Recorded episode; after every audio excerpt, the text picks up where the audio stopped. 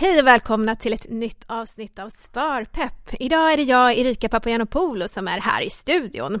Och i det här avsnittet då ska vi prata mer om hur psykologi och ekonomi hänger ihop. Det finns ju faktiskt en tydlig koppling mellan beslutstagande och känslor, även när det kommer till ekonomi och sparande.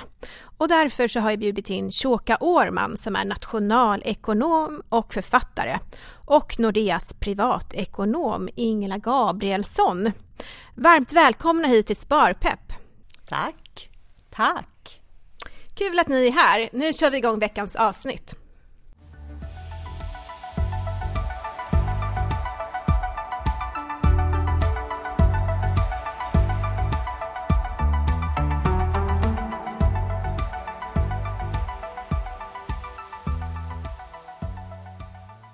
De flesta av oss vill säkert pensionsspara, ha koll på sitt sparande och stå emot onödiga impulsköp och även ha en tydlig budget att följa. Men det är väldigt lätt att falla för snabba kickar i form av impulsköp. Vad säger ni om det?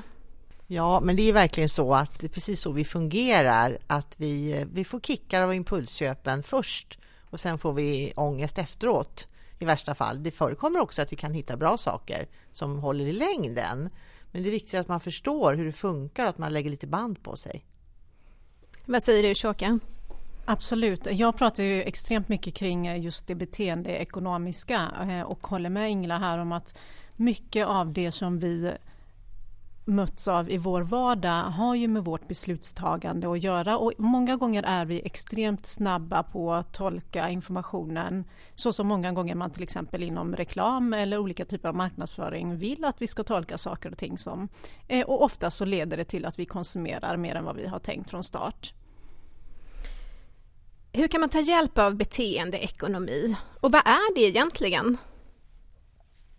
Beteendeekonomi är egentligen i grunden en del av nationalekonomin. Eh, och tittar man på oss ekonomer så har man i grund och botten alltid utgått ifrån att vi människor är eh, rationella, eh, att vi, är, vi vet vårt egna bästa och agerar utifrån det så, så länge information finns tillgänglig som hjälper oss till eh, att ta de här korrekta, smarta, rationella besluten. Eh, det som man vet idag är att eh, vi absolut inte fungerar på det sättet. Det är därför vi till exempel faller för de här snabba belöningarna oavsett om det är att köpa en extra plagg när vi passerar skyltfönstret eller just det här som du nämnde i början här, att avstå pensionssparandet. Så grunden i nationalekonomi och egentligen det som kallas för beteendeekonomi går ut på att vi är inte de smarta egoistiska och rationella människor som man tidigare har påstått att vi är inom ekonomin. Du brukar också prata väldigt ofta om ett eh, begrepp som du kallar för psykonomi. Eh, hur hänger egentligen psykologi och ekonomi ihop? Um, anledningen till att jag använder det ordet är för att um, min första bok skulle egentligen heta Psykonomi och för mig handlar just det här med Psykonomi är egentligen ekonomi och psykologin sammansatt. Eh, vi är människor, alla våra beslut som vi tar i vår vardag oavsett om det är den här typen av konsumtionsbeslut och beteende eller om det är när vi placerar pengar på börsen. Allt är utifrån de känslor och de upplevelser vi har. Eh, psykonomin, eller psykologi plus ekonomin, är ju det faktum att eh, vi faktiskt styrs av känslor, inte bara i negativa termer utan det är faktiskt också att de här känslorna blir ju belöningar som gör att vi gång på gång agerar så som vi egentligen inte har tänkt från start. Och det, det gäller både när det kommer till att avstå till exempel det här pensionssparandet eller långsiktiga sparandet som är så långt bort från nuet. Grunden i nationalekonomi och liksom det psykologiska är att vi föredrar allt det nuet framför framtiden. Ehm, och kan vi bli medvetna om det så såklart att vi kan bli bättre också på att kontrollera de delarna hos oss. Men jag tänkte på det Ingela, vi lever ju i ett nästan kontantlöst samhälle idag. Eh, hur tror du att det påverkar känslan för, för ekonomin och eh, våra pengar? Ja, det finns ju flera sätt som vi blir påverkade. Dels är det ju mycket lättare att betala, det går så snabbt. Vi, vi blippar och swishar och så vidare, det går snabbt. Eh, och samtidigt så har det blivit lättare då att shoppa, för det går ju så fort. Du kan också klicka hem på nätet på någon sekund. Eh, men fördelen är ju att vi också ser precis, vi kan följa vad vi har på våra konton väldigt lätt genom de nya digitala verktygen och mobilappar och liknande. Så du kan också ha koll på varje utgift du precis har gjort och hur mycket pengar du har kvar. Så det är ju en fördel. Men det är viktigt också att eh, så många som möjligt som ännu inte har gjort det försöker ta det här digitala steget och lära sig de här nya digitala hjälpmedel som finns. Eh, för att kan, man kan känna sig dum att man inte fattar eller inte har kommit sig för. Men det ska man ju verkligen inte göra utan man ska istället be om hjälp. För att det finns så mycket att vinna på att ta till sig de här nya hjälpmedlen. Men hur kan man då sätta upp en plan eller en strategi? Ja, man får helt enkelt börja med den gamla hederliga budgeten, hur tråkigt den låter. Det handlar ju om att lista sina inkomster och sina utgifter, de fasta utgifterna och se sen hur mycket man har kvar. Och utifrån det så får man göra en plan för hur det här med jul och liknande ska gå ihop helt enkelt. Och kanske också sätta ett tak för hur mycket pengar man max ska göra av med under den här perioden. Mm. Ja, det har ju precis nu nyligen varit Black Friday. Jag kan tänka mig att många har shoppat en hel del. Eh, en del kanske har varit duktiga och avstått. Men hur kan man tänka agera för att undvika den här shoppingfällan? Kan man även göra en shoppingbudget? Ja, absolut. Det, det ska man göra tycker jag. Man kanske har den här vanliga budgeten i grunden. Men sen till den får man ju lägga då, typ i form av listor och eh, koll på vilka, vilka pengar får jag använda? Hur, hur, ser mitt sparande ut? Vad har jag tänkt att ha det till? Och vad är det jag vill köpa egentligen? Och sen så försöka styra sig själv då. Det är det som är så svårt eftersom vi söker de här snabba kickarna hela tiden. Men man har ju mycket att tjäna på att försöka hejda sig lite grann och kanske tänka över saken en gång extra och inte liksom falla så snabbt som Shoka sa, att vi tar så snabba beslut. Det vi bara slår till och sen tänker vi oj, vad gjorde jag nu? Mm, får lite ångest sen efteråt. Ja, just det. En del resonerar ju så i alla fall. När jag har gjort det där fyndet så har jag eh, jag har varit så duktig, jag har nästan tjänat på det här köpet. Men ett sätt kan ju vara att man eh, sparar den summan som man då tycker att man har tjänat på sitt fynd. Till exempel öka på sitt månadssparande eller sätta in ett engångsbelopp. Vad säger du om det Ingela? Ja, man kan se det där på flera sätt och visst kan man känna att man har sparat någonting. Men om man ska vara riktigt eh, eh, konkret här och realistisk så är ju var, varje utgift en utgift även om den är lägre än vad man hade tänkt från början. Så att det bästa är att inte ha någon utgift då i så fall. Men visst, om man kan spara en mellanskillnad är ju det jättebra. I grunden ska man ju ha det här månadssparandet, det är ju det som ger ett bra sparande i längden. Jag tänkte bara tillägga där, vi pratade precis som du nämnde där om Black Friday och, och tittar man på undersökningar, det som vi faktiskt konsumerar mest under den typen av dagar, eh, det är elektronik, det är kläder. Eh, och där kan man ju också, tittar man på vad man har hemma, oftast är det ju inte de sakerna, det är liksom inget nytt, det är inte att man nödvändigtvis behöver de nya sakerna, man har oftast mm, kläder och elektronik hemma. Så att det är precis som Ingela säger, oftast så är det inte så att man tjänar på att skaffa någonting nytt. Det jag tror ur liksom ett beteendeekonomiskt perspektiv, men också för mig som pratar mycket kring målsättning. Ska vi få folk att... Um, ska vi liksom konsumera mindre? Ska vi bli mer medvetna om vår ekonomi och kring budget och hur vi faktiskt konsumerar i vår vardag? så behöver vi någonstans väcka liksom våra hjärtefrågor. Vi måste väcka någonting bortom det här faktum att Ehm, alla vet vi att vi ska äta mer sunt. Eh, alla känner vi till att vi inte ska slösa mer än vad vi faktiskt har råd med. Ändå gör man det gång på gång.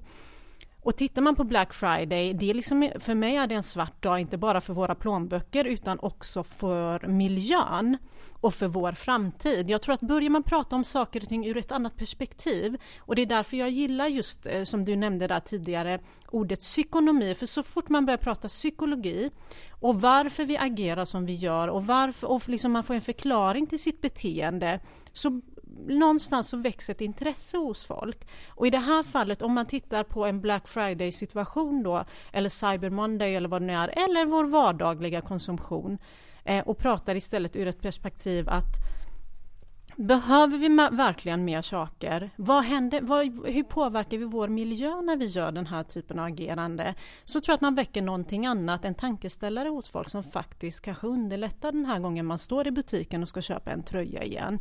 Samma sak, det är på det här sättet vi lär nästa generation. Jag pratar ju väldigt mycket om att vi tidigt eh, ner i åldern behöver prata om pengar, vi behöver prata om sparande. Och det här är ett, ett, bra tillfälle att lära att vi behöver faktiskt inte nya grejer hela tiden. Eh, och det handlar inte bara om att ha råd eller inte att ha, ha råd, utan det handlar också om att desto mer vi konsumerar, det är ganska enkelt, desto mindre har vi att spara. Och pratar vi om målsättning där man kanske vill eh, resa mer, vi vill spara till första miljonen. Eh, jag såg våran en app här nu på vägen in. När jag åkte rulltrappan upp här för Nordea. Eh, och då stod det miljonär alltså mm. miljonen och när. Och det är precis det vi ska prata om. Vill du ha en miljon, men då kan du inte konsumera på det sättet som du gör idag. Eh, och vad ska du ha miljonen till och vad är delmålet i den här miljonen eller resan eller vad det kan vara. Det är ju de här små delmålen vi behöver mer prata om. Mm. Och gör vi det så tror jag att det blir enklare att avstå faktiskt eller trycka bort det här sms som dyker upp om ytterligare ett erbjudande under Black Friday. Ja men precis, Nej, men jag tänker ju också att det här med att träna och ha balans i livet som man pratar så mycket om, det kan ju också appliceras på sin ekonomi och sitt sparande. Absolut, jag brukar prata mycket kring investeringar och sparande och då gillar jag just att jämföra både målsättningen eh, med till exempel löpning. Alltså du går ju inte och springer en maraton, jag är en löpnörd själv eh, och ska jag springa en halvmara eller en maraton så förbereder jag mig månader i förväg, jag delar upp det i delmål, jag äter utifrån det, jag sover utifrån det, jag liksom lägger upp en plan utifrån det för jag har ett slutmål och jag vet att jag klarar mig inte utan den planeringen. Och så ska vi göra med vår ekonomi. Eh, och det handlar som sagt inte bara om konsumtionen i sig utan det handlar också om att vi ska ha budget, precis som Ingela nämnde, för att få kontroll över var våra pengar, hur mycket får vi in, hur mycket tickar det ut, men också för att kunna skapa en trygghet och det är det här, det här med budget och buffertsparande. Sen när vi har det så kan vi skapa trygghet genom att spara långsiktigt eller om man känner att man inte har några stora summor över varje månad så blir det det här månadssparandet. Och det gäller inte bara för oss själva, det gäller också som sagt att lära, lära det ner i åldrarna. Men du Ingela, du har ju gjort en undersökning där du tittar på shopping och beteenden kring mm. till exempel Black Friday och jul. Berätta Precis. lite mer om den. Ja, jag har gjort den här i många år så jag kan ju jämföra då resultaten och se trender. Och eh, det som jag alltid frågar det är just hur mycket pengar vi ska lägga just på julklappar och också på julens övriga utgifter som till exempel kläder och pynt och mat. Och i år så ser vi då att vi ökar ju hur mycket pengar vi har tänkt att lägga på det här med 14 procent jämfört med förra året. Oj, varför tror du att det är så pass stor ja, ja, precis. ökning? Allra mest ökar vi faktiskt då på det som är annat än julklappar, alltså sånt som hör julen till så att säga. Och där tror jag till exempel att maten kan ha en ganska stor andel av det här i det här att vi vill äta nyttigt och hälsosamt och köpa bra mat, kanske särskilt på julen. Så där är vi liksom beredda att lägga lite mer pengar. Men vi ökar ju även på julklapparna och det har vi inte gjort sedan 2015. Och det är lite, man blir lite förvånad eftersom vi har en stark trend mot konsumtion också nu. Så man kan säga att det är två parallella trender som pågår samtidigt. Det är sån här Black Friday när vi drunknar i reerbjudanden och sen en annan en motrörelse som vill att vi inte ska konsumera. Och här gäller det ju liksom att hitta var finns jag i det här och vad, hur vill jag göra? Och det är liksom hitta den egna balansen och försöka vara lite förnuftig i det här. För att eh, visst, eh, och man, många tänker också köpa julklappar på Black Friday och då är ju det kanske bra om man ändå har tänkt att ge julklappar. För det är ändå någonting som jag tycker vi måste komma ihåg också, att det finns en glädje att ge något till andra. Det behöver inte vara mycket eller dyrt, men det finns en viss tanke i det också, att man gör det. Och då finns det ju mycket man kan ge som inte kostar så mycket. Tid till exempel är väl det dyraste kanske av allt egentligen. Eh, och då kan man ge tid till sina nära och kära, för det är ju det vi behöver vara tillsammans. Och sen har vi också årets julklapp som man brukar kora varje år. I år blev det ju just ett eh, en andrahandsplagget, att man köper någonting på andrahandsmarknaden till exempel. Det finns mycket att fynda där. Så att det behöver inte handla om att köpa väldigt mycket eller väldigt dyrt. Bra både för miljön och för eh, plånboken. Precis. Men vi har faktiskt varit ute på stan och frågat några personer hur de tänker kring julshopping och sparande. Eh, hur mycket kommer du lägga på julshoppingen i år? Ungefär en 2000 skulle jag säga. Och är det några pengar som du har sparat undan sedan tidigare? Nej, det går rakt från lönen. Eh, hur mycket kommer du lägga på julshoppingen i år? Jag har lagt undan ungefär 4 000 eh, och jag har över 10 personer att köpa till så att det blir budgetshopping helt enkelt. När man jobbar liksom minimumlön så måste man ju liksom ha en buffert så att man vet att det blir någonting i alla fall. Hur mycket kommer du lägga på julshoppingen i år? 500 spänn. Har du sparat undan de här pengarna till shoppingen? Nej, jag klarar det på den vanliga budgeten. Och vad skulle du säga om tomten ger dig ett sparande i julklapp? Tack så mycket, det hade jag uppskattat.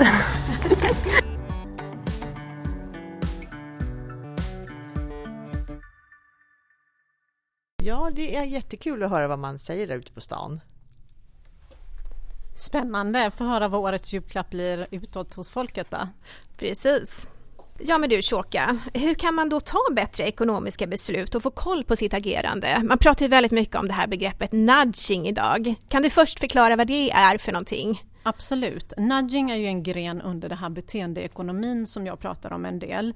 Eh, och Ingela nämnde här det här med två parallella trender där vi ska konsumera mindre men samtidigt har vi ju detaljhandeln och liksom reklam och marknadsföring som faktiskt lockar oss in i konsumtion. Och det är liksom lite precis så här som Ingela nämnde. Inom nudging och beteendeekonomi, mycket av de faktorer som man idag använder sig av för att få oss att bli bättre eh, liksom konsumenter, både i hållbarhetstänk men också i hur vi konsumerar, vilka val vi gör eh, och också hur vi eh, agerar. Det har tidigare använts extremt mycket inom marknadsföring för att tvärtom få oss att konsumera mer. Eh, alltså placeringar av varor i butiker, hur man har försökt liksom placera saker för att vi ska gå igenom butiken hela vägen och plocka på så mycket som möjligt på vägen till mjölken till exempel, det är en klassiker. Eh, man har med ljussättning, med musik, med sättet och ord man har liksom använt i olika typer av eh, marknad, alltså i annonser och så vidare lockat oss till att konsumera mer.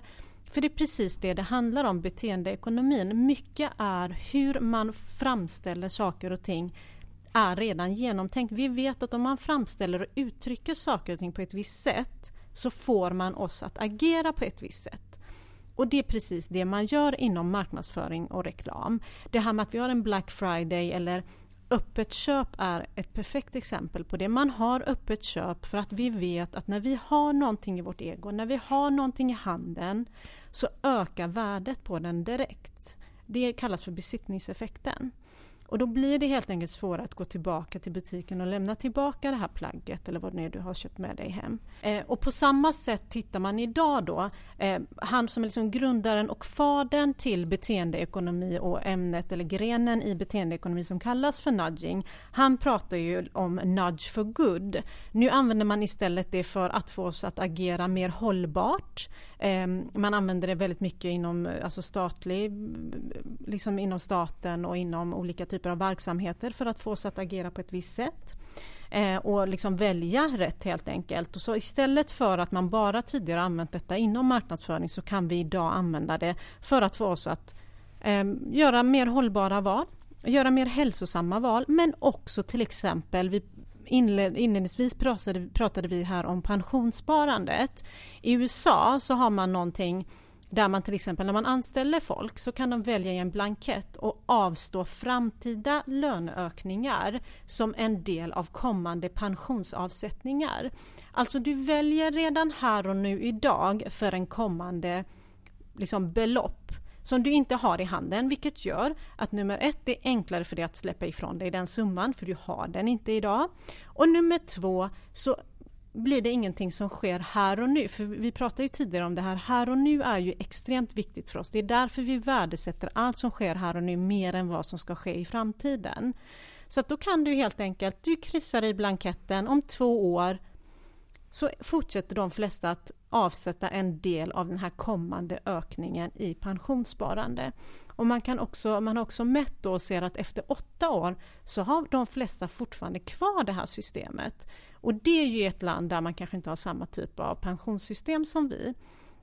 Men detta är ett perfekt exempel på en nudge där vi faktiskt rent ekonomiskt kan få folk att pensionsspara mer. Eh, och som sagt, det blir ju lite den här parallellen som Ingla pratade om tidigare. Vi, kan, vi kommer att äta mer hälsosamt, vi kommer göra mil mer miljömässiga eh, val och vi kommer också spara mer om man använder de faktorer som vi har, vilket är de här känslorna och beslutstagandet i olika valsituationer. Man ändrar helt enkelt valstrukturen i hur vi agerar, känner och tänker och tar beslut.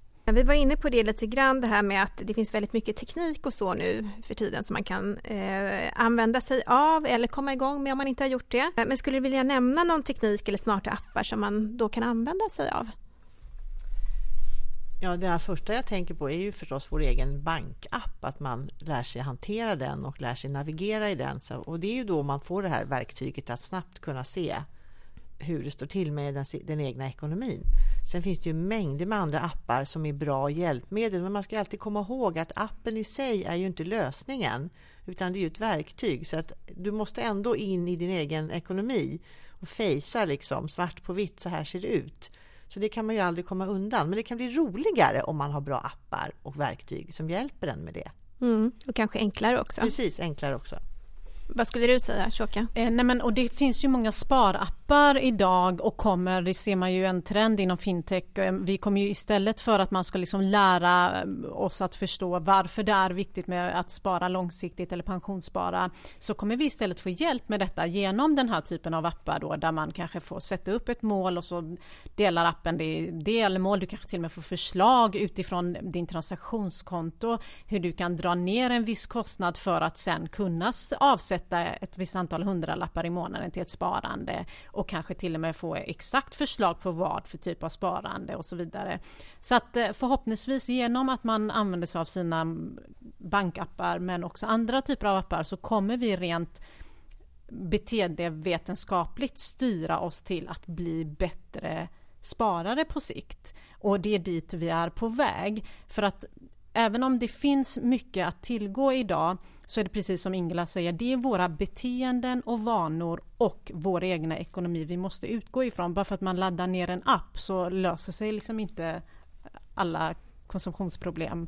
Ehm, och där är också en annan intressant sak, du pratade med en undersökning tidigare Ingela, ehm, för ett tag sedan var det någon, man hade frågat svenska folket vad som oroade dem mest.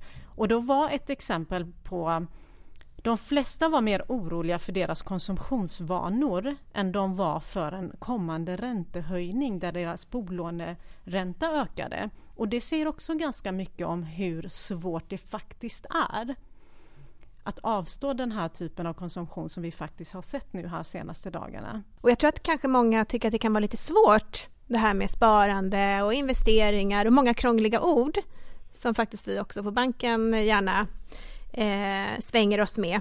Men eh, hur, eh, hur tror ni att vi kan få fler att intressera sig för sin ekonomi och eh, för sitt sparande? Ja, det är ju väldigt mycket. Vi har ju det ansvaret att vi måste prata på ett sätt så att människor kan ta till sig vad vi säger och göra det på ett enkelt sätt och, och försöka sprida den här kunskapen så mycket som möjligt. Men sen samtidigt är ju liksom, det finns ju, det krävs ju två för en tango så att där människor måste också ta till sig det här och anstränga sig för att förstå för sin egen skull. Och någonstans här hoppas jag att man kan mötas då på halva vägen och eh, så att människor kommer igång med sitt sparande, tänker jag. Mm. Jag tänker ju precis som Ingela säger att vi använder mer ord som är applicerbara men också pratar kanske inte nödvändigtvis utifrån eh, produkter, ehm, fonder och så vidare utan pratar utifrån personen och det som vi egentligen gör väldigt mycket på banken. Vad har du för tankar? Vad är dina drömmar? Ehm, hur riskbenägen är du? Om hur många år vill du liksom uppfylla den här drömmen? Om det nu är att starta eget eller spara ihop en viss summa eller köpa den där lägenheten. I och med att jag pratar väldigt mycket kring beteendeekonomin och känslor och valstrukturen så gillar jag mer också att prata kring hur vi talar till våra kunder och hur vi faktiskt väcker någonting bortom det här att det bara är ett fondval eller eh, pensionssparande utan faktiskt drömmen och målsättningen och hur vi når dit. Visualisera det lite grann också. Men om vi ska återgå till det här med julshopping. Hur tänker ni själva kring julshopping och eh, shopping generellt?